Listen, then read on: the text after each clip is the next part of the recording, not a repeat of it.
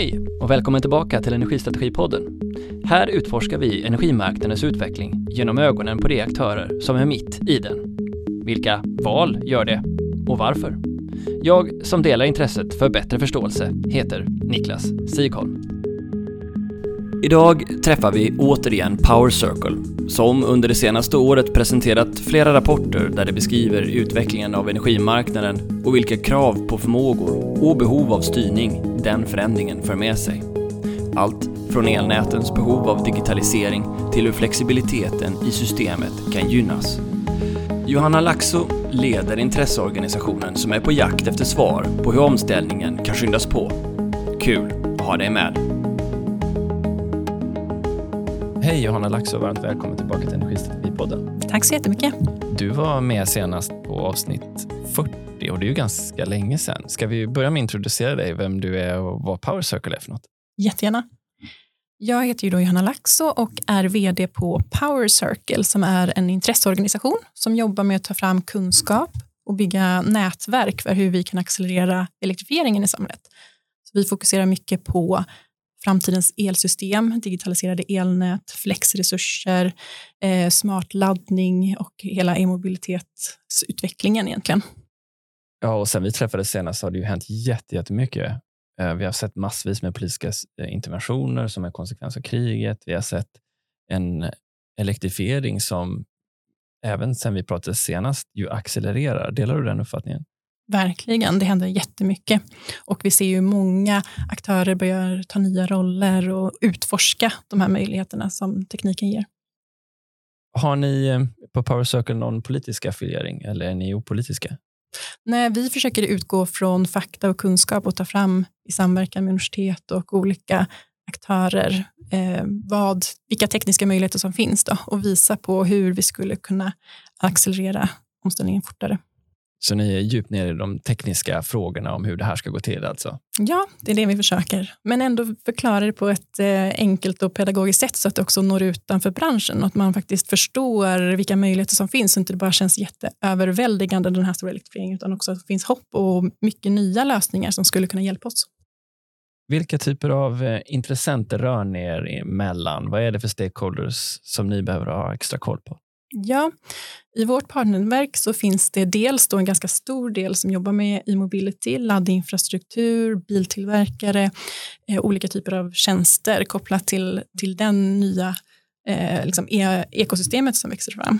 Men vi har också energibolag, nätägare Eh, som har en väldigt viktig roll i det här och många olika teknikleverantörer, bland annat aggregatorer, olika typer av batteritjänster och system, olika smarta styrningar för olika saker. Eh, så att, eh, det är en ganska, det är ju inte en bransch utan många olika och vi försöker ju också ha dialog utåt mot myndigheter, politiker, fastighetsägare och för liksom förklara allt det vi ser. Vilka skulle du säga nu är det som driver Sveriges elektrifiering? Ja, men jag tror kanske att det är eh, väldigt mycket som händer inom transport. Alltså när jag tittar på mina områden som jag jobbar med så händer det jättemycket inom e-mobilitet. Liksom bara accelerera, kommer hur mycket nya modeller som helst. Också utmaningar och lösningar såklart som vi behöver lösa. Ehm, och även inom flexibilitetsresurser så ser vi att ganska många eh, intresserar sig, och speciellt med de höga priser vi haft på stödtjänstmarknaden förra året, så det känns det lite som att det exploderat i att alla är intresserade av att titta på vilka, vilka förutsättningar har jag.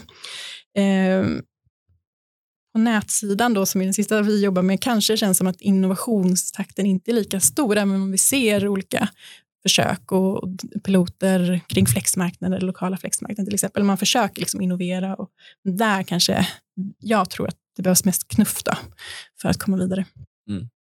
Och man brukar ju prata om att det finns ett antal verktyg som behöver finnas tillsammans för att skapa en fungerande elsystem och det är då producenterna av alla möjliga olika slag nu då. Det är elnäten som är själva blodomloppet i systemet.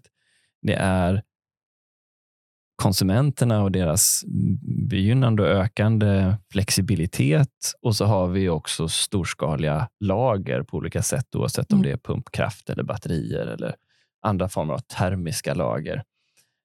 hur viktigt är det att de här fyra fungerar i tandem? Hur ska man se på de här olika områdena? Eller kan något område gå före eller måste något område gå före till och med?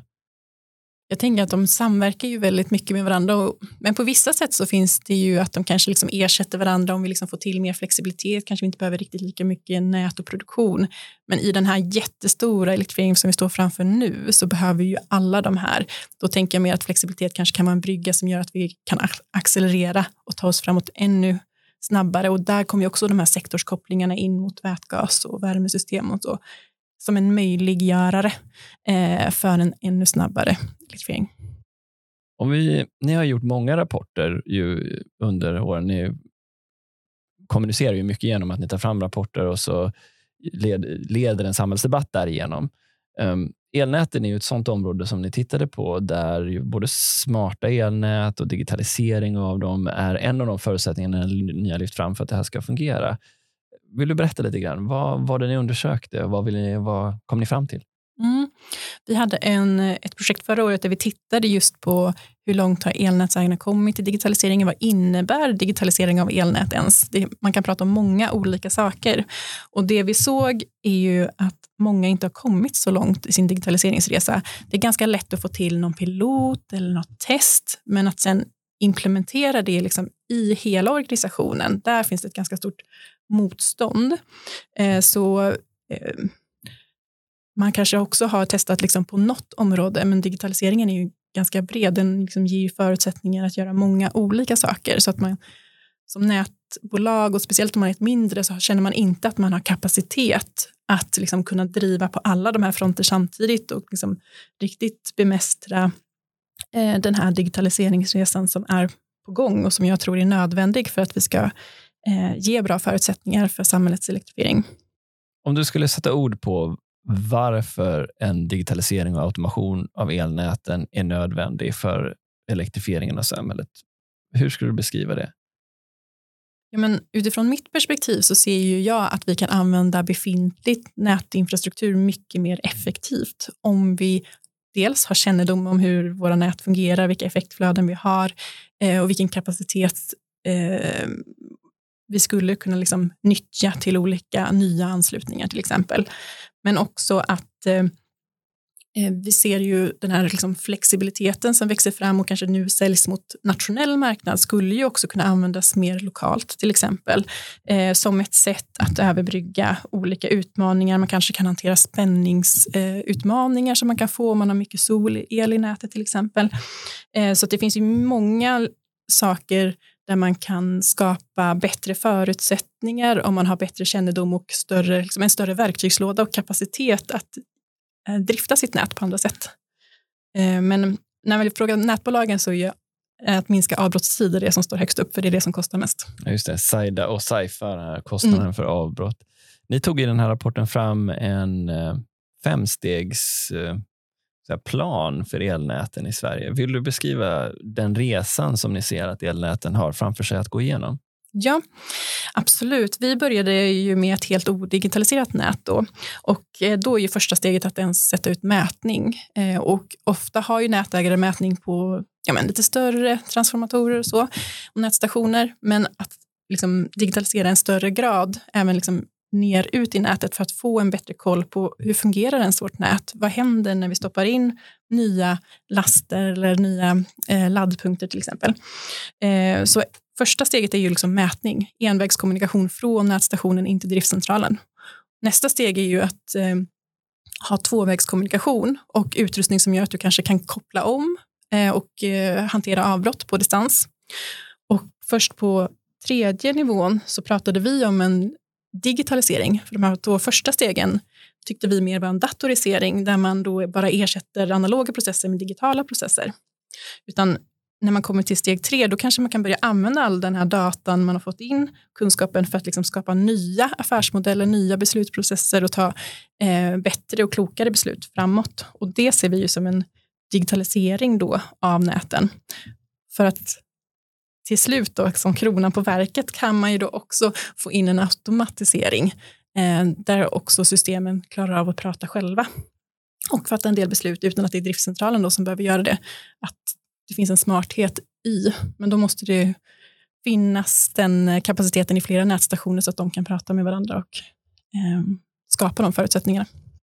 Så, så som du beskriver det här, så beskriver du det här som, eller som jag förstår dig, så är det en förutsättning för att vi ska kunna göra de investeringar som industrin och fastighetsägare och även privata konsumenter vill kunna göra in i näten.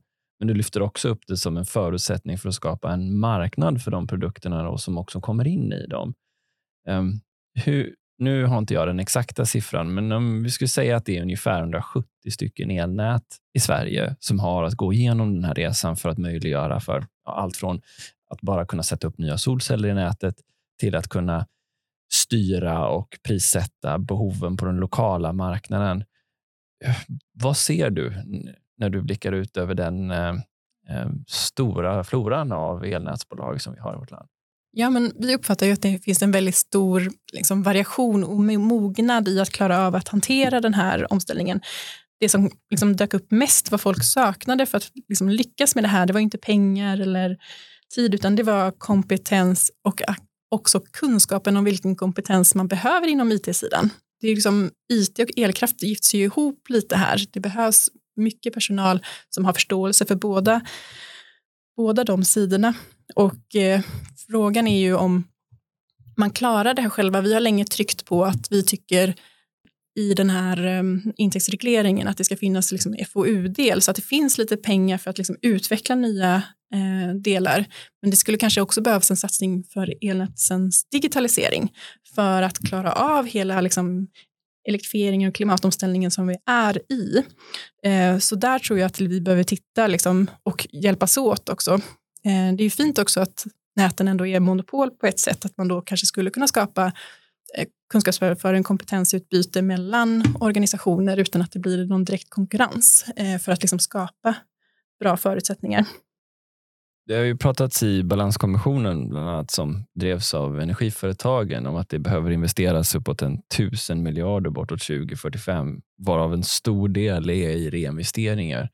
Vad finns det i form av ny teknik och det som kommer in i elnäten för lösningar som kan bidra till att hjälpa elnäten, kanske till och med undvika vissa av de investeringsbehov som man står inför, om det finns? Ja, men vi tittade ju djupdök i den här eh, rapporten med tre olika exempel på eh, liksom, vad kan digitalisering vara. Och det ena var ju liksom lite den här resan jag beskrev när man liksom kanske digitaliserar sina nätstationer.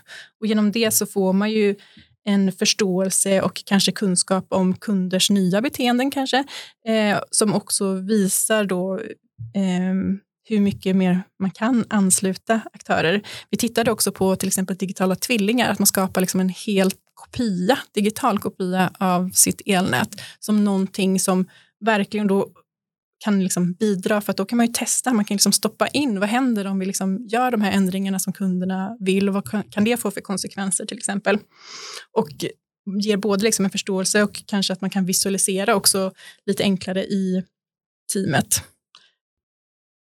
Jag tänker om, om vi då tänker oss att ganska många nätägare har en digital tvilling, då känner inte jag varför det skulle behöva ta 14 månader att få svar från ett nätbolag om jag kan ansluta en laddstation. Det borde en AI kunna räkna ut på 10 minuter. Så att liksom, man kan ju korta, frigöra resurser från att göra så här enkla rutinberäkningar till att hantera mer komplexa saker i sin verksamhet och skapa liksom bättre förutsättningar.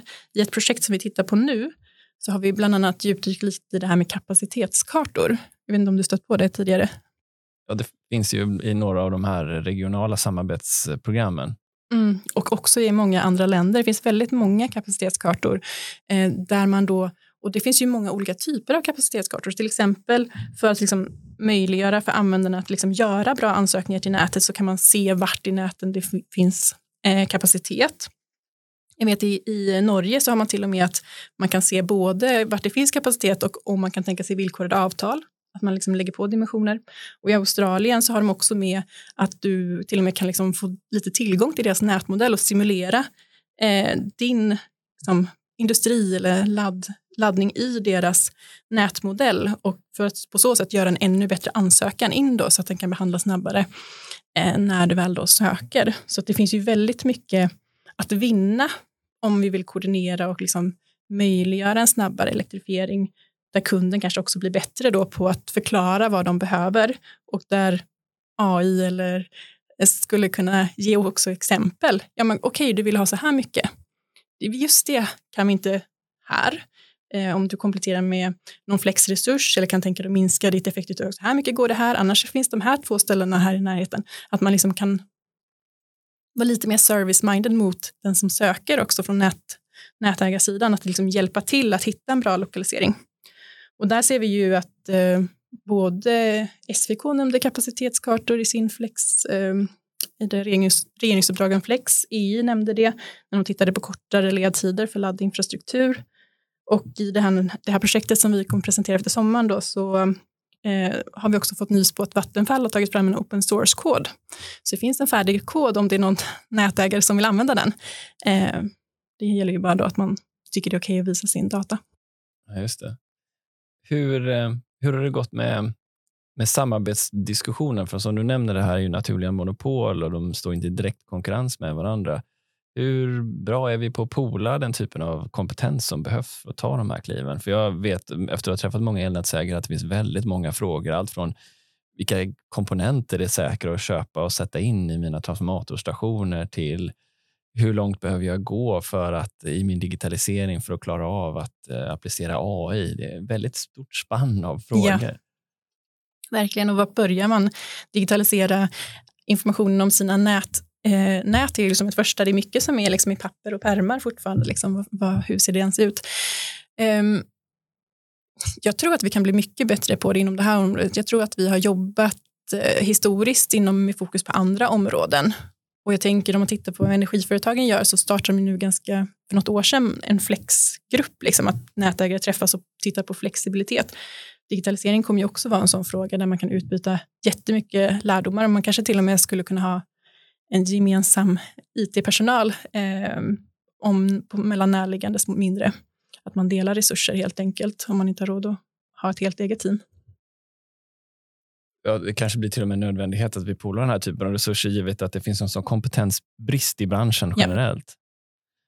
Men eh, jag vet att du inte är så mycket inne på marknadssidan som kanske jag är Johanna, men om man ändå tänker sig då att någonstans längs vägen så inträffar ju då att jag har som kund kanske investerat i ett antal eh, anläggningar eller assets för att kalla dem för någonting eh, som kan vara sol och det kan vara batterier och det kanske är så att du har bättre kontroll över din egen konsumtion också. Att jag kan gå till mitt elnät och säga hej, jag har de här förmågorna nu och jag kan bidra med det här in till ert elnät. Och så måste det vara värt någonting för mig som konsument att jag också helt plötsligt har en massa förmågor som jag tidigare inte hade när jag bara var en passiv, kanske konsument av eh, el hur, hur långt måste man komma för att klara av och hur viktigt är det, tror du, att klara av att, att kunna svara på en sån fråga? Vad kundernas begynnande förmågor i elnätet är och hur de kan bidra? Ja, men jag tror ju att kunderna kommer tappa intresse ganska snart om de liksom inte ser att eh, det här är någonting som värderas av elsystemet på det sättet man har fått för sig att, att det borde göra. Um, så jag tror att vi behöver förstå och prissätta och eh, hjälpa till. Det är ju en sån fråga till exempel med eh, spänningshantering som jag vet har varit uppe till exempel när man byggt vindkraftsparker där liksom nätägarna hellre bygger liksom en egen SVC eller någonting för att stabilisera istället för att köpa det från den teknik som finns i vindparken. Och man liksom inte, det handlar också om att man ska prata samma språk och förstå varandra och vad man har för behov och eh, hur det kan mötas. Och där tror jag att det finns mycket Eh, som kan utvecklas men också som är på gång om man tänker den här eh, eh, nya nätkoden som kommer för demand response.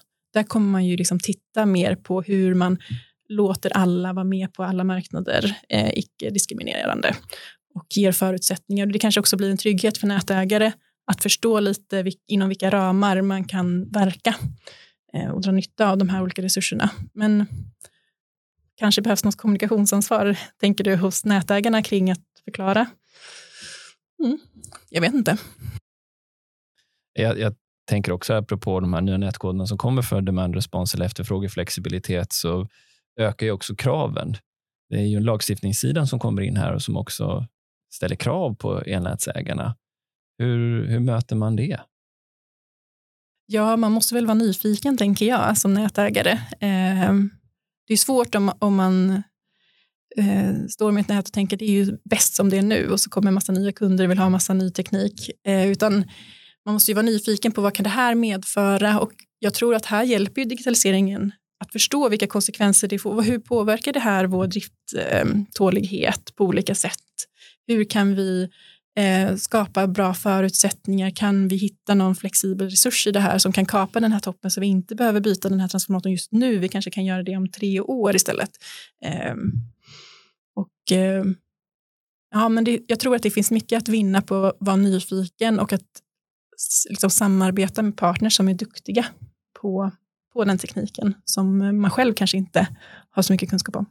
Tror du att eh, Energimarknadsinspektionen i utformningen av den nya nätregleringen har med den här typen av tankar för hur man vill styra inriktningen och incitamenten för elnät? Jag har inte jättestor inblick i hur EI tänker. De samtal jag har haft så har man ändå tryckt på att genom att till exempel ta bort den här listan så blir det lite mer öppet för många olika typer av tekniker att säljas till nät, ja. nätägare. Ja. Precis, eh, och att ur deras perspektiv så vill man ju verkligen skapa förutsättningar för den här elektrifieringen Eh, som är på gång och alla de nya tjänster, de är ju väldigt mycket för att ha kundens perspektiv och att möjliggöra för kunden att vara aktiv. Så jag tror ändå det finns med i bakhuvudet. Sen är frågan hur väl det blir på pappret när det kommer till kritan. Det blir spännande. Får se om vi kan prata mer om det i någon framtida podd. Vad skulle vi behöva göra som samhälle för att kicka igång det här arbetet eller superboosta det? Finns det några sådana förslag eller idéer på hur man ökar digitaliseringshastigheten i elnäten i Sverige? Ja, men det finns ju egentligen liksom två stora vägval, morot eller piska. Jag tänker om man tittar på liksom, hur har vi jobbat med de här smarta näten? Jo, det är ett krav, alla ska införa det 2025. Det kommer ett krav på mm, effekttariffer 2027. Skulle vi liksom ha ett krav på att det finns mätning i stationer? Eller så jobbar man med incitament. Varför, varför blir det här viktigt för de här aktörerna? Eh, och för samhället och för vår elektrifiering kan vi på något sätt skapa eh, incitament, eh, enkla guider, checklistor för hur man upphandlar eh, och digitaliserar. Hur tänker man på, kring cybersäkerhet? Där är inte jag PowerCircle liksom bästa, utan det finns många som kan de här frågorna. Men liksom hur kan vi skapa, eh, och det kan, kommer ju indexregleringen in, kan vi få incitament för att jobba med flexibilitet och sånt med där så kommer det driva på istället för att det är mest avbrott som spelar roll. Förra gången vi hade en podd tillsammans så minns jag att du sa att vi kan liksom inte ha ett system där vi ska bygga en motorväg för vårt elnät där vi dimensionerar för den högsta lasttimmen utan vi måste ha ett smartare sätt att göra det här på. Det borde också rimligtvis leda till att är man långt framme med digitalisering så skulle man också kunna påverka den investeringskappa som man annars måste ta om man ska bygga enligt den gamla modellen. Är det klart och tydligt efter den här rapporten? Det är nog inte klart och tydligt för att in, det känns som att vi alltid landar i våra rapporter att intäktsregleringen spelar så stor roll. så att eh, mycket hänger ju på EI. Men eh, jag hoppas eh, verkligen att vi kan skapa bra incitament och om inte det kommer i intäktsregleringen så kanske det går att göra någonting från staten. vi har pratat om ett elnätskliv för att liksom komplettera industriklivet och klimatklivet om vi ska klara av att göra omställningen så är ju elnäten hjärtat i elektrifieringen och om inte de har förmågor och verktyg att hantera allt som händer eh, då kommer vi inte lyckas. Så då kanske vi skulle behöva liksom en extra boost när de inte har andra FoU-pengar och sånt att tillgå eh, för att klara av att transformera sina organisationer och lära sig nya saker och göra saker på nytt sätt. En sak som blir eh, viktig då eh, är att utveckla också marknader för flexibilitet. Och Det är ju en annan rapport ni har kommit med här nu senast, eh, kartläggningen om hur eh, rollen som balance service provider kontra då rollen som BS, BPR, alltså var elhandlare och förutsättningarna för att få en marknad att fungera för flexibilitetstjänster. Vad innehåller den? Vad var det ni tittade på?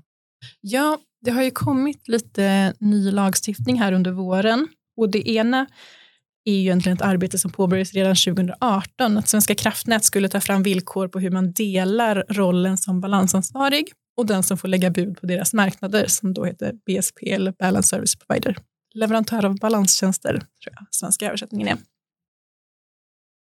Och det arbetet har ju pågått sedan 2018 där SVK har lämnat förslag och EI har skickat tillbaka att ja, men vi tycker inte riktigt det har varit och så har SVK lagt förslag. Och, ja. och nu är vi framme vid att faktiskt EI har klubbat ett beslut efter att vi i eh, februari fick möjlighet att ge remiss på en ny version som Svenska kraftnät hade skickat in, där EI hade gjort lite förslag på ändringar.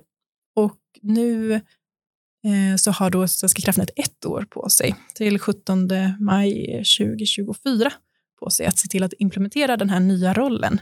Och det kommer ju öppna upp, som vi ser det, väldigt mycket eh, för att möjliggöra att fler aktörer får tillgång till marknaden utan att också ta rollen som BRP eller ha ett avtal via någon då som är BRP.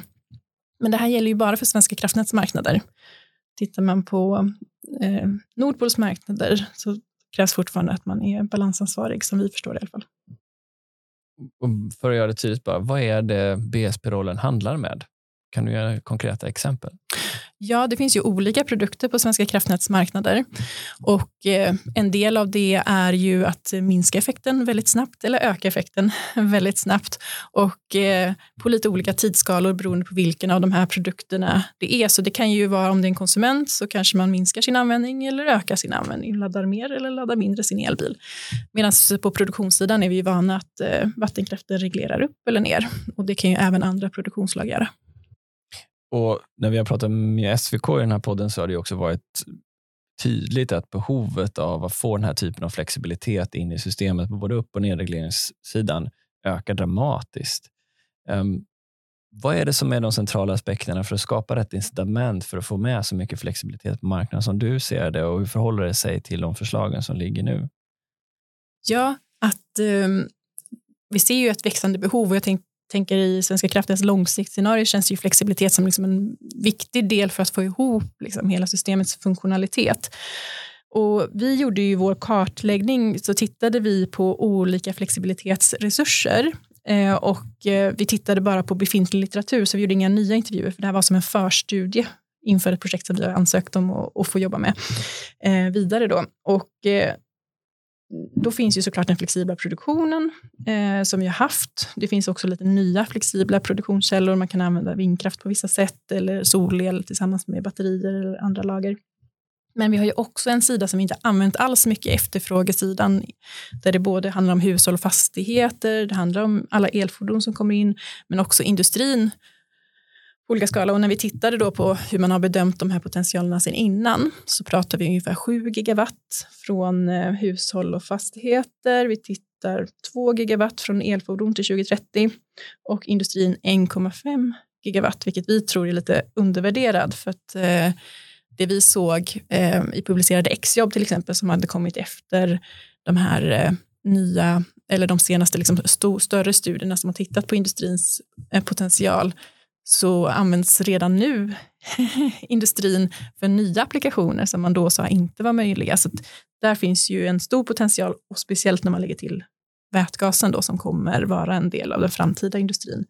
Det är ju i och för sig ett energilager, så den kanske inte går in på efterfrågeflex, men det blir ju snabbt stora volymer flexibilitet som skulle kunna vara tillgängliga om vi möjliggör då den här aggregeringen som är på gång nu. Eh, för många av de här resurserna, kan, industrin kan ju bjuda in själva, men hushåll och eh, elfordon har ju inte haft möjlighet att delta så mycket. Så det finns ju både liksom resurser och till låg kostnad som vi skulle nu kunna få in på våra marknader. Och det vi ser då, som har, de har haft problem med hittills, är ju dels att de inte får lägga bud själva, utan de har varit tvungna att gå via en balansansvarig. De har också varit tvungna att gå just via den kundens balansansvarig. Vilket har gjort att man har kunnat säga nej, men vi är inte intresserade av det här för vår kund. Så att, även om kunden vill så är det inte säkert att, att den som den har avtal med tycker att det är en bra idé. Eller så ska de ha skickligt betalt för att Eller, göra det. Ja, ta mycket betalt för att skicka informationen vidare till Svenska kraftnät helt enkelt. Så nu kan man eh, buda själv, det är en stor skillnad. Eh, men också förutom den här skillnaden som Svenska kraftnät har gjort så har det också kommit en proposition från regeringen eh, som trädde i kraft nu första juni eh, där man då också vill möjliggöra för en oberoende aggregatortjänst. Eh, och det innebär bland annat då att en elhandlare eller kundens elhandlare eller balansansvarig inte får säga, säga nej. Man får inte heller ta mer avgifter av en kund som har valt att ingå ett avtal med någon som jobbar med aggregeringstjänster eller flexibilitet. Eh, så att man får liksom inte straffa en kund som väljer att eh, köpa den här tjänsten av någon annan. Och ehm, eh, det som kommer till det är också att man nu kan aggregera flera, alltså i samma bud ha flera olika balansansvariga. Och det är en ändring som Svenska kraftnät har gjort då i de här villkoren. Så det är som två olika förändringar som liksom ger flera olika effekter ehm, som tillsammans då skapar mycket bättre förutsättningar för att aggregera små resurser och sälja till olika marknader. Och um, Svenska kraftnäts förslag liksom träffar ju bara den marknaden och inte lokala flexmarknader eller day ahead. Medan det här politiska förslaget som eh, har klubbats i riksdagen då, den träffar ju istället bara aggregerade tjänster och inte alla typer av flexresurser, men på alla tre marknader. Så det är lite olyckligt att vi har två lagstiftningar som liksom skär på olika led och inte en lagstiftning som går över alla marknader för alla typer av resurser. För det finns ju en risk, som jag ser det, då, för en, att det kan bli en snedvridning eh, mellan då aggregerade resurser och större resurser, till exempel som en industri eller större batteripark. Så. Ja, först tänker jag bara att det är också så att hur vet vi att det här lirar väl med de nya nätkoderna som kommer runt demand response från Acers och EUs håll? Mm. Eh, vi var ju med och skickade in inspel, eh, i alla fall på det som, eh, som eh, Svenska kraftnät har gjort. Då. Eh, och där hade vi ju med den kunskapen som fanns tillgänglig vid tillfället eh, om vad nätkoderna kommer innehålla. Och försökte ge lite inspel kring hur, hur de skulle kunna lira. Å andra sidan så tänker jag att det som all lagstiftning kanske inte kommer hålla för evigt, utan kommer det ny lagstiftning så får vi kanske göra vissa justeringar. Eh, men som jag har förstått nätkoderna så handlar det ju också mycket om att de vill skapa förutsättningar för nätägare att integrera laddinfrastruktur, eh, flexibilitet, batterier, solel, förnybart eh, i nätet på att använda sitt nät på ett effektivare sätt och jobba mer med det här med flaskhalshantering till exempel. Och att koden mycket kommer liksom spesa hur kan man göra det här på olika sätt och utan att liksom direkt sätta ner så här ska man göra. Och sen så kommer det vara en period där alla länder i Europa kommer liksom utforska då lite hur gör vi det här utifrån de här modellerna som finns tillgängliga på bästa sätt och så kanske det efter ett tag då kommer bli så att det, det här sättet man ska göra. Så är man tidigt framme, eh, som Sverige är på vissa områden, så skulle vi också kunna liksom sätta goda exempel för hur EU-lagstiftningen kan komma att bli sen. Så säg att jag har en industri, jag har en fastighet eller för all del jag bor i en villa, oavsett vilken, eh, vilket, eh, vilken kategori på marknaden du tillhör, så förstår jag att det du säger är att jag kommer ha det allt lättare att hitta en partner som oavsett vilken elhandlare jag har kan hjälpa till att handla med mina tjänster på den nationella Svenska kraftnätsmarknaden. Men det finns inte ännu tydligt hur det där synkar med de lokala marknaderna. På de lokala marknaderna tror jag du fortfarande, den är så pass oreglerad. Där tror jag också du har lätt att hitta någon som kan hjälpa dig. Jag tror kanske det är svårare att få in flexibiliteten på dagen före marknaden. Där är så stora volymer också, så då måste det vara mycket som aggregeras. Um, och jag har ju liksom, nu har jag presenterat liksom allt det bra som kommer med de här förslagen. Det finns ju också liksom några män som kan hindra. och det är ju dels att man då, i och med att man skapar den här oberoende rollen där man liksom inte har någon kontakt med elhandlaren eh, eller balansansvarig. Så när den här aktiveringen av flexibilitet sker så blir det också en påverkan på elhandlaren och balansansvariges affär. Och då står det i EU-lagstiftningen att alla länder får, om de vill, införa en kompensation till de som påverkas vid aktivering av flexibilitet. Så jag, alltså, jag är en konsument, jag mm. Ska egentligen handla enligt min profil 15 kilowatt en viss timme i morgon och kanske ha en så hög konsumtion. Men så har jag då också verktyg för att styra ner den när någon del av stödmarknaden som jag är aktiv på genom min kompis, min BSP-kompis, min aggregator hjälper mig att dra ner på min konsumtion, exempelvis. Ja. Då. Och då helt plötsligt inträffar en obalans mot min balansansvariga som har legat i sin profil med en viss typ av förbrukning, när hela kollektivet gör det här samfällt, så skapas någon form av... Och dessutom så har ju din elhandlare eh, köpt el motsvarande det den trodde du skulle använda, som sen när den fakturerar dig kommer ju ditt mätvärde inte säga 15, utan den kommer säga 12. Får du inte betalt för det. Så det finns ju all anledning att titta på en sån kompensation för att det här eh, aggregeringen ska komma in utan att liksom påverka andra aktörer onödigt negativt. Så det har vi infört nu då. I Sverige så står det att eh, det ska finnas en kompensation och eh, den ska tas fram eh, av Svenska kraftnät, men innan den är framtagen så kan man då aggregera utan eh, att betala kompensation. Så det kommer ju vara liksom en tidsfrist här nu då under några år innan den här är framtagen, där aggregering går ganska smidigt. Men sen finns det då en risk när den här kompensationen träder i kraft, att eh, den blir väldigt dyr för den som är aggregator. För den svenska lagstiftningen nu har pekat att det är just aggregatorn som ska betala kompensationen. Medan vi från Power Circle hade ibland bland annat tittat på olika modeller som kallas för net benefit model, där det då liksom mer är ett kollektiv som betalar kompensationen. För att eftersom samhället i stort tjänar på att det finns mer aggregerade resurser i systemet och vi får ett mer effektivt system, vi behöver inte bygga lika mycket nät och produktion, skulle man ju också kunna tänka sig att de då som påverkas negativt, de fåtalet aktörer, eh, kompenseras genom någon typ av kollektiv skatt, nättariff. Eh, man skulle kunna liksom plocka den påsen pengar från någon annan än just aggregatorn. Eftersom det blir en ganska stor kostnad för aggregatorn, lite beroende på vilken marknad du är aktiv på.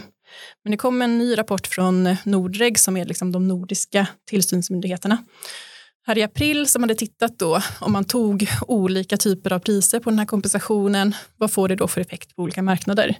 Och liksom den vanligaste eller liksom slutsatsen är väl att det mest rättvisande är att ta eh, priset från spotmarknaden helt enkelt som är liksom gånger volym, det som ska kompenseras. Men då blir ju nyttan att vara på dagen före marknaden, eller day head, eh, i princip noll då för den här flexibiliteten. Så då har man liksom infört en lagstiftning i Sverige som ger tillgång till alla marknader med en kompensation som gör att det blir, finns ingen lönsamhet att vara på en av dem. Så, och jag ser ju en jättestor nytta av att vara just på dagen före-marknaden för att om vi får in mycket flexibilitet där, det är då vi sänker spotpriset för hela systemet, hela kundkollektivet eh, och får de här eh, effekterna som jag önskat hela förra året, att liksom kapa de här topparna, pristopparna Eh, så där tror jag att man behöver kika mer på vad är vad finns det liksom, hur fungerar Nordpols marknader? Vad finns det för incitament att få in flexibiliteten redan där och inte bara jobba med det sen på de här olika balanstjänsterna eller lokala flaskhalsmarknaderna. Ehm, med det sagt så står det ju också i regelverket, både europeiska och svenska, att den här kompensationen inte får utgöra ett hinder för efterfrågeflexibilitet och aggregering. Så frågan är ju hur man liksom kombinerar. Då. Svenska kraftnät sitter ju nästan på en omöjlig stol här. De ska dels införa en kompensation, men den får inte utgöra ett hinder. De säger nästan emot mot sig själva eftersom det då i lagstiftningen står att aggregatorn ska betala. Så det blir ju i princip ett hinder. Okej, okay, jag antar, eller det, ett mål här är ju att underlätta för så många att vara med som möjligt. Det är egentligen inte att öka intäkterna för just en BSP, utan det handlar om att minska riskerna det innebär att vara med och då behöva betala för den här kompensationen eftersom då om lönsamheten sjunker så kommer vi inte heller se att folk vill vara med på marknaden. Är det, är det så jag ska se er position? Alltså, jag, tänk, jag tänker inte alls utifrån någons lönsamhet, utan jag tänker liksom i ett elsystem där vi ska eh, elektrifiera, många, ansluta mycket nya resurser snabbt behöver vi antingen bygga väldigt mycket produktion och nät eller frigöra kapacitet vissa timmar för att kunna ansluta de här kunderna. Får vi in den här flexibiliteten i systemet så kommer elektrifieringen att gå fortare. Eh, och då eh, finns det liksom en stor outnyttjad potential i massa resurser som vi ändå köper och som vi har hemma, värmepumpar, elbilar, eh, ventilationssystem som skulle kunna liksom vara med och bidra utan en större kostnad. Men då måste det ju göras på ett smart sätt och så att de som påverkas blir kompenserade Men, men man vill ju inte sätta en kompensation som ska betalas så att det inte ens blir lönsamt att ha med din värmepump. Så många resurser som möjligt vill vi ha med på marknaden. Det ökar ju likviditeten och kostnadseffektiviteten. Men frågan är, vem tjänar pengarna då? Det är så du tänker? Ja, det är så att jag tänker att det här blir väldigt komplicerat. Alltså du har ju dels flera olika tidsspann, du har liksom day ahead, du har intraday, du har massa olika use cases där du har då en, en dels naturligtvis Nordpols marknad, men alla stödmarknader också, hur priskryssen ser ut mellan de här olika marknaderna. Man kan redan idag välja, ju, precis som du sa i början, om jag ska, vilken av de här åtta, tio olika marknaderna jag ska vara med på. Och sen så tänker jag att det kompliceras ytterligare att vi ska ha en gemensam, gemensam lagstiftning som också vill öppna upp för internationalisering av de här produkterna. Så du ska inte bara kunna vara med på svenska utan även på internationella sådana. Vilka är de här aggregatörerna som, är, är det, som utvecklas nu? Vi har ju sett några av dem. Vi vet ju flera av de här varumärkena som trädde fram, men det blir ju rätt komplicerad matematik att hålla koll på. Både balansen så att vi har balans i näten mellan tillgång och efterfrågan hela tiden, men också vad de olika incitamentstrukturerna för att vara delaktig på en uppsjö av marknader det kommer leda till för typer av beteende. Det är väl det som mm. blir min valhänta fråga. Hur ska man förstå vart det här är på väg? Ja, men trenderna vi ser är ju att behoven på stödtjänstmarknaden ökar. Vi har väl sett att likviditeten på lokala marknader är ganska låg. Det har inte köpts så jättemycket och så ofta. Men där tänker jag att med introduktionen av mycket elfordon så skulle man kunna få mycket mer problem lokalt i näten och inte bara mot överliggande nät. Så då skulle de här typerna av marknader kunna bli relevanta och liksom lite mer likvida jag tror att det kommer att vara en komplex, komplex värld, men på något sätt så måste vi ju beskriva marknaderna eh, så att de också passar ihop med det fysiska systemet och gör liksom det fysiska systemet så välfungerande som möjligt så att det inte bara är eh, ett ekonomiskt system där man, man handlar med en resurs som liksom inte kopplar ihop. Och det är väl lite där vi, jag tänker det är inte därför vi har balans, obalanspriset, för att man på Nordpol säljer och köper och får betalt för det man säljer utan att det är någon uppföljning på vad man faktiskt har sålt. Jo, jag, jag tänker bara att den logiska fnurren som är lite svår att få sitt huvud runt är att du tar fram en produkt som i ett momentant läge kan vara väldigt mycket värt för det kan avhjälpa ett problem.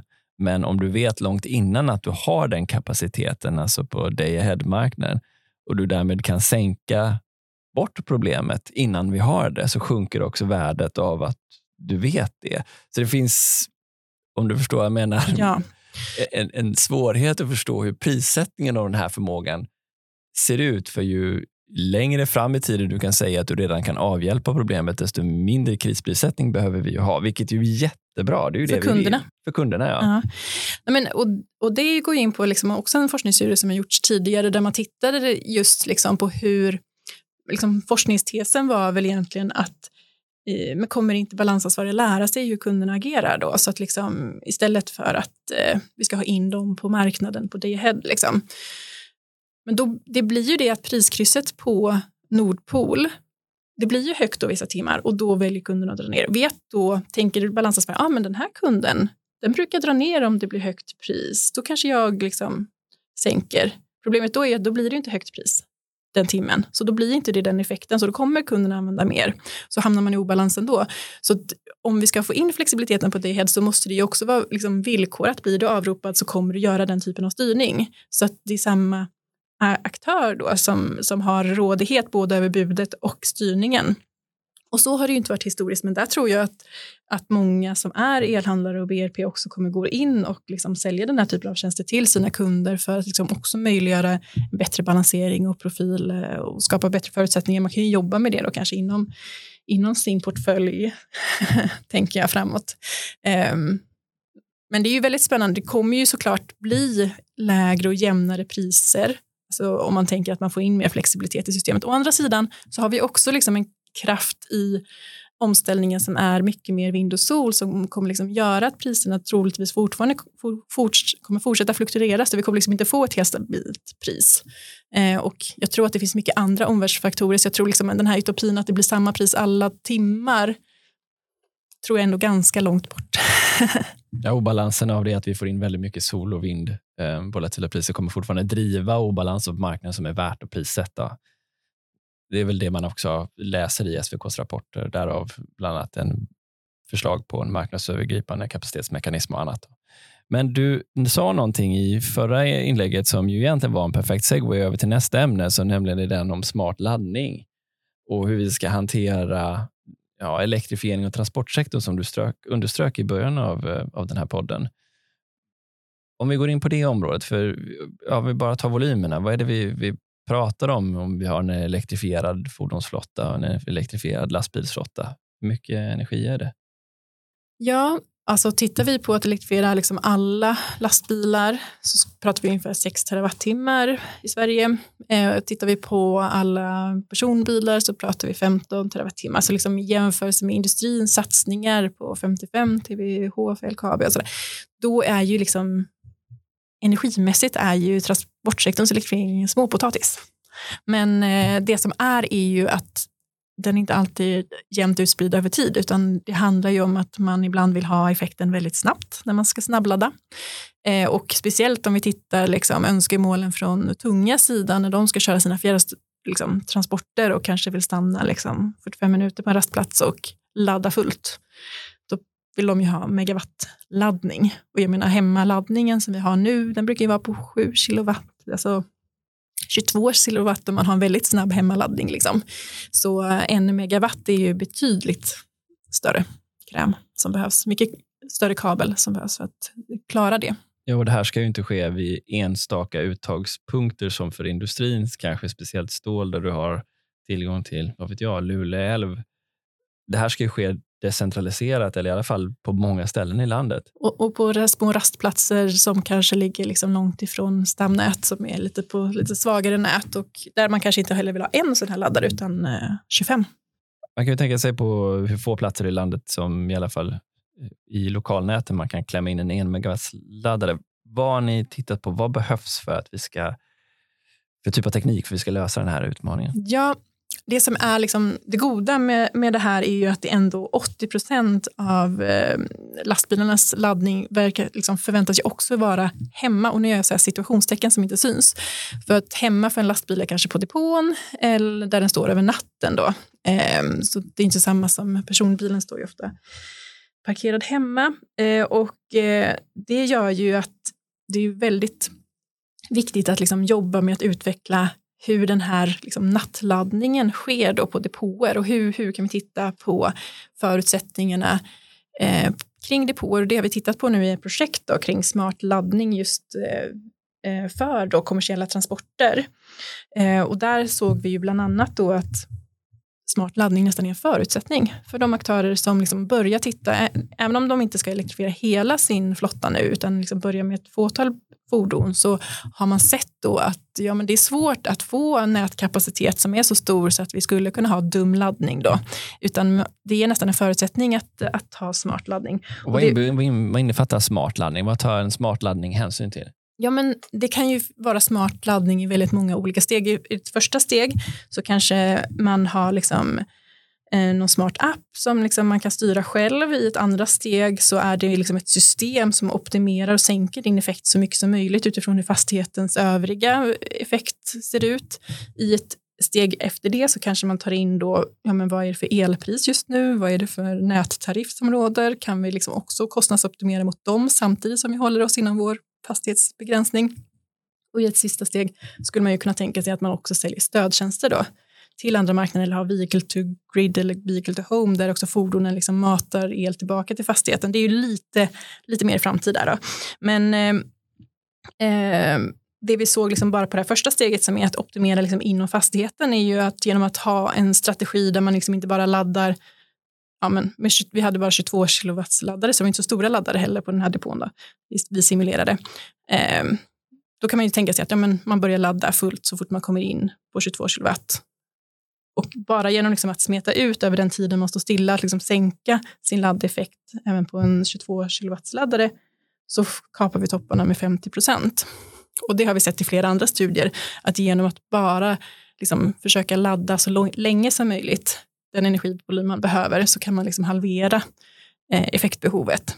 Eh, och det, det kommer man ju ganska långt med. Jag tänker när man söker mot nätägare då, att man har ett mindre. Sen kan man ju komplettera med batteri eller solel eh, och andra saker som gör liksom att man kanske kan optimera det ytterligare. Men då kommer ju kostnadsaspekt på. Nu har vi bara tittat på de tekniska bitarna i vår studie.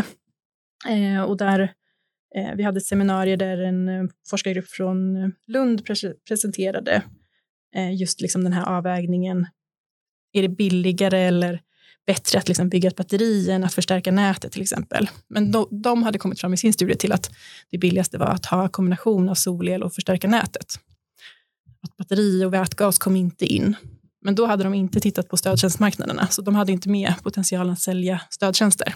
Ja, det. Så det hade ju kunnat förändra business-caset.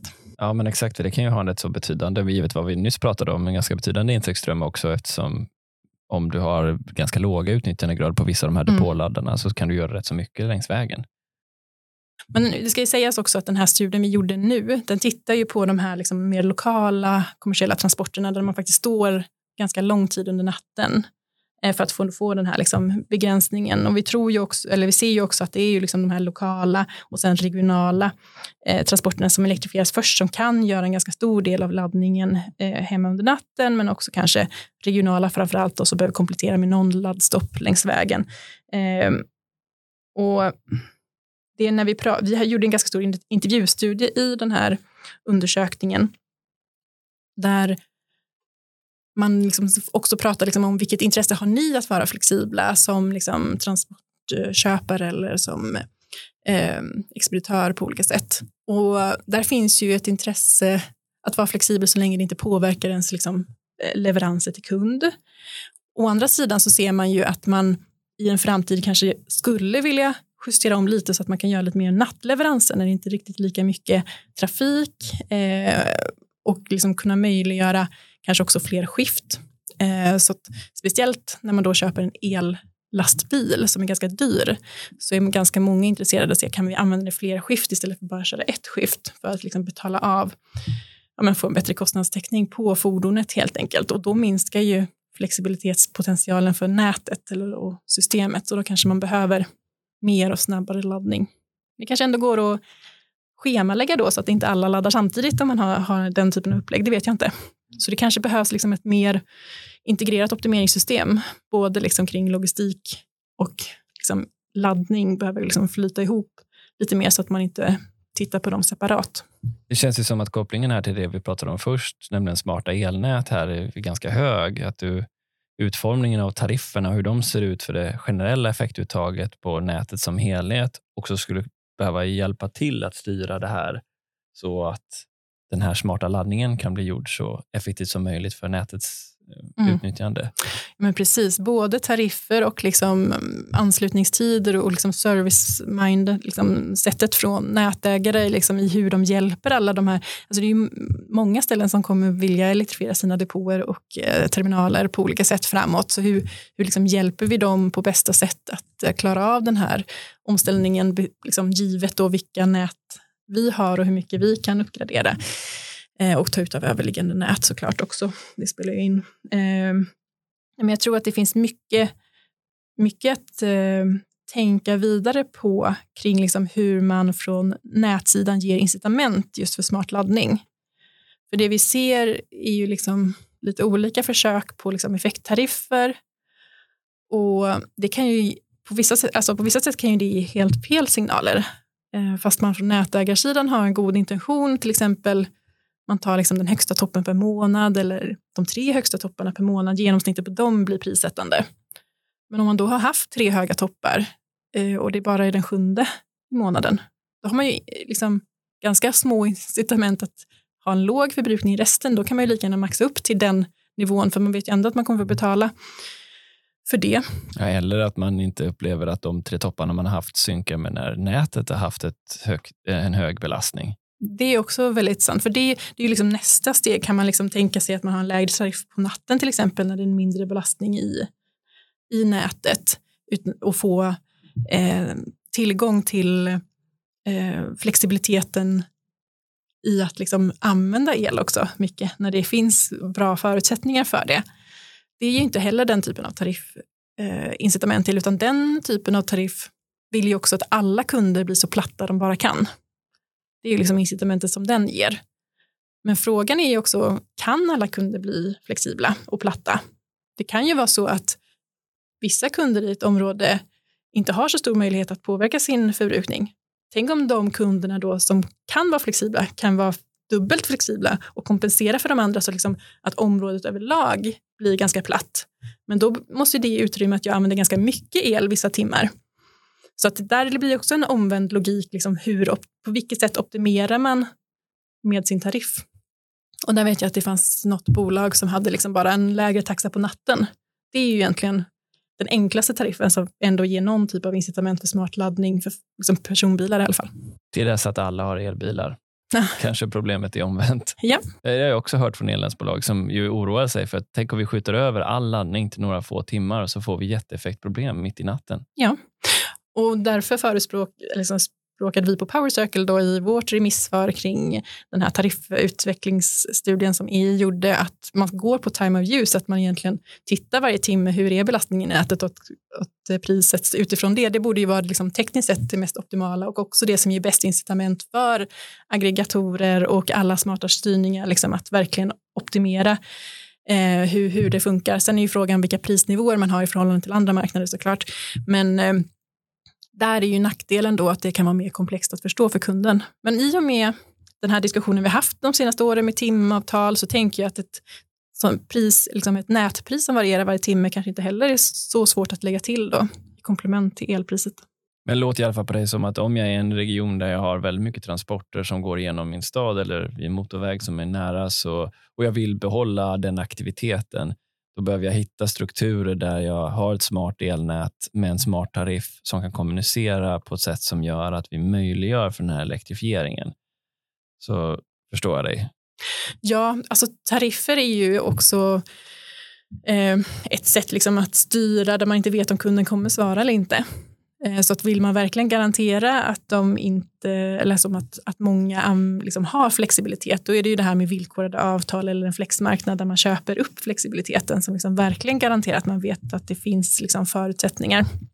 Men en tariff är ett bra första steg, tycker jag. Alltså... Ja, jag vet, men för mig låter det som att det är liksom omöjligt. Om du inte har ett smart elnät så blir det omöjligt att rigga den här affären för ett jämnt uttag när kunderna kommer kräva mer och mer belastning, även långt ut i nätet. Jag tror att man kommer få väldigt mycket problem med höga laddeffekter om man inte redan nu börjar tänka på hur man ska liksom ha en strategi för det.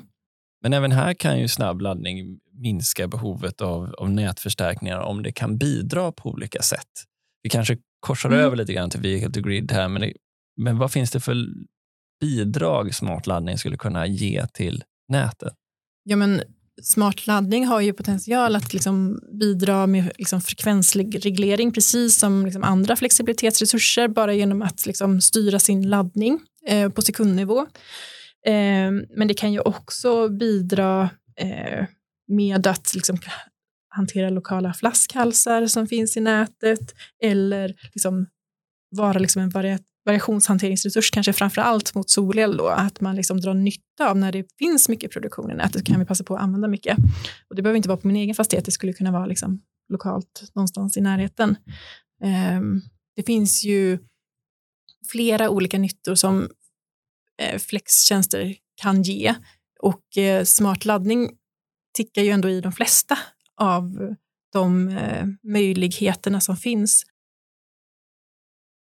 Speciellt antar jag om ni också får, eller ni, vi också får vehicle to grid. Ja. Då kan vi göra allting. Hur mycket skulle en övergång till möjlighet att både ladda i och ladda upp? Precis, bidirektionell laddning då. Och, och där ser vi ju, det har ju funnits eh, på den japanska standarden i ganska många år. Det är inte så många fordon och laddare i Sverige som, som har möjligheten. Men, men här kommer ju eh, i en rasande fart nu då, liksom implementeringen av den, även den europeiska standarden. Det handlar ju fortfarande om att både fordon och laddare behöver ha den här kapaciteten. Eh, men i ett första steg så ser ju många också att liksom man använder bilen för huset. Alltså så man kan undvika att köpa el eh, dyra timmar om man liksom laddar bilen när det är lite billigare el så kan man mata huset eh, med el. Och i ett andra steg så ser man ju då att man använder eh, det är för att även mata ut på nätet som en utmatningsabonnemang då, att man säljer el. Eh, och där finns det väl lite mer regelfrågor kvar som inte är liksom lösta eh, med, skatt, med skatter och sånt till exempel. Men eh, det finns ju även, när vi säger vehicle to X så är det inte bara vehicle to home och vehicle to grid utan det finns ju andra vehicle to load, att man till exempel bara har med sig bilen när man är ute och campar och kan koppla in sin espresso, espressomaskin eller vad, vad, som helst. Eller att man skulle kunna använda det för att eh, driva, om man tänker att man är, har ett eh, elektriskt liksom, mm, arbetsmaskin, kan man driva handverktyg eh, när man är på ett ställe där det inte finns tillgång till elnät till exempel, på en byggarbetsplats eller annat. Hur snabbt sker eh, den tekniska utvecklingen om Vehicle to X? Är det, hur långt bort tror du det är innan vi börjar se fler och fler fordon ha tillgång till den tekniken? Jag tror att vi börjar se fordonen rulla ut nu, eh, men det kommer nog ta en till fem år var det folk som sa då i, i den här studien vi gjorde. Men jag tror att det tar en till tre år innan vi liksom börjar se några effekter av att det finns de här typen av fordon. Laddarna är fortfarande mycket dyrare att köpa om man ska ha den typen av möjlighet. Och det finns fortfarande också den här diskussionen vart själva utrustningen ska sitta. Ska den sitta i bilen eller ska den sitta i laddaren till exempel? Men innan 2030 så är den kanske en standardprodukt på marknaden? Det skulle jag tro, i alla fall om man köper nya, nya saker.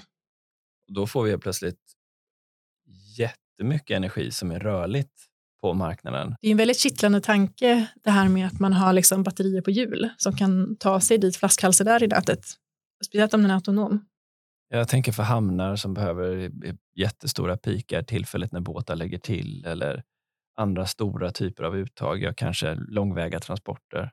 Mm. Vi har inte räknat på exakt liksom hur en sån matchning skulle kunna se ut, men det borde ju teoretiskt sett, eftersom man har mycket effekt man kan ge. Det är ju, jag tänker, det är väl lite samma som när man liksom pratar snabbladdning. Det, man kan ju åka till en eh, 200 kilowatts laddare med en bil som inte klarar mer än 50 kilowatt, så då liksom hjälper det inte att liksom den ena parten kan liksom maxa. Så då, även liksom på utmatning så behöver det ju vara en matchning då mellan fordon och laddinfrastruktur, att man kan överföra ganska mycket eh, effekt på kort tid.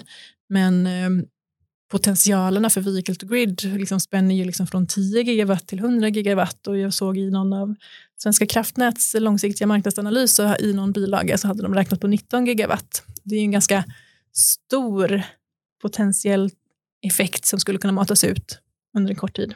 Ja, kommer vi till de nivåerna, ja då börjar vi ju närma oss din, eh, ditt nirvana där, där vi jämnar ut prisnivåerna mycket, mycket mer om vi har tillgång till den enorma kapaciteten om det då finns incitament att ens vara med på den marknaden i frågan. Precis, då har vi hela marknadsstrukturen som också behöver utvecklas parallellt med det. Ja, det här är ju väldigt många olika tekniska förslag på lösningar som kan få marknaden att fungera, men vi märker ju också att marknaden blir väldigt mycket mer komplex och svårförstådd, i alla fall i jämförelse med producera här och konsumera där logiken som har gällt i många decennier i Sverige. Vad, vad tror du blir de viktigaste framgångsfaktorerna för aktörerna på energimarknaden de kommande åren? Ja, alltså digitaliseringen är ju ett måste för att jobba med många små resurser. Ehm, och eh, det handlar ju inte bara om nätägarna som behöver digitaliseras, utan det handlar ju också om att hantera big data om man är en aggregator eller eh, elhandlare som vill jobba med de här frågorna. Hur kan jag styra mina många resurser och optimera dem på olika sätt? Ehm, men jag tror också en viktig faktor just nu är också att liksom skapa en bild av att vi klarar av den här omställningen i samhället, att vi i energibranschen är intresserade av att hitta lösningar och sprida den liksom, eh, visionen till allmänheten så att inte allmänheten känner att ja, men, nej, vi ger upp. Utan att liksom, vi ser ju att det finns många tekniska lösningar eh, som kan vara till gagn både liksom för elektrifieringen, för privatpersonen och för ekonomin på olika sätt. Eh, frågan sen är vilken roll alla aktörer tar på den här marknaden. Eh, det blir ju intressant att följa. Jag ser ju också att eh, för att det här ska gå fort så måste man också våga jobba på lite nya sätt och ta nya partnerskap. Ehm, ett mellanstort nätbolag kan inte göra kanske en egen digital tvilling, men det kanske finns någon som är duktig på det, som vi liksom part, partner med för att skapa den förmågan.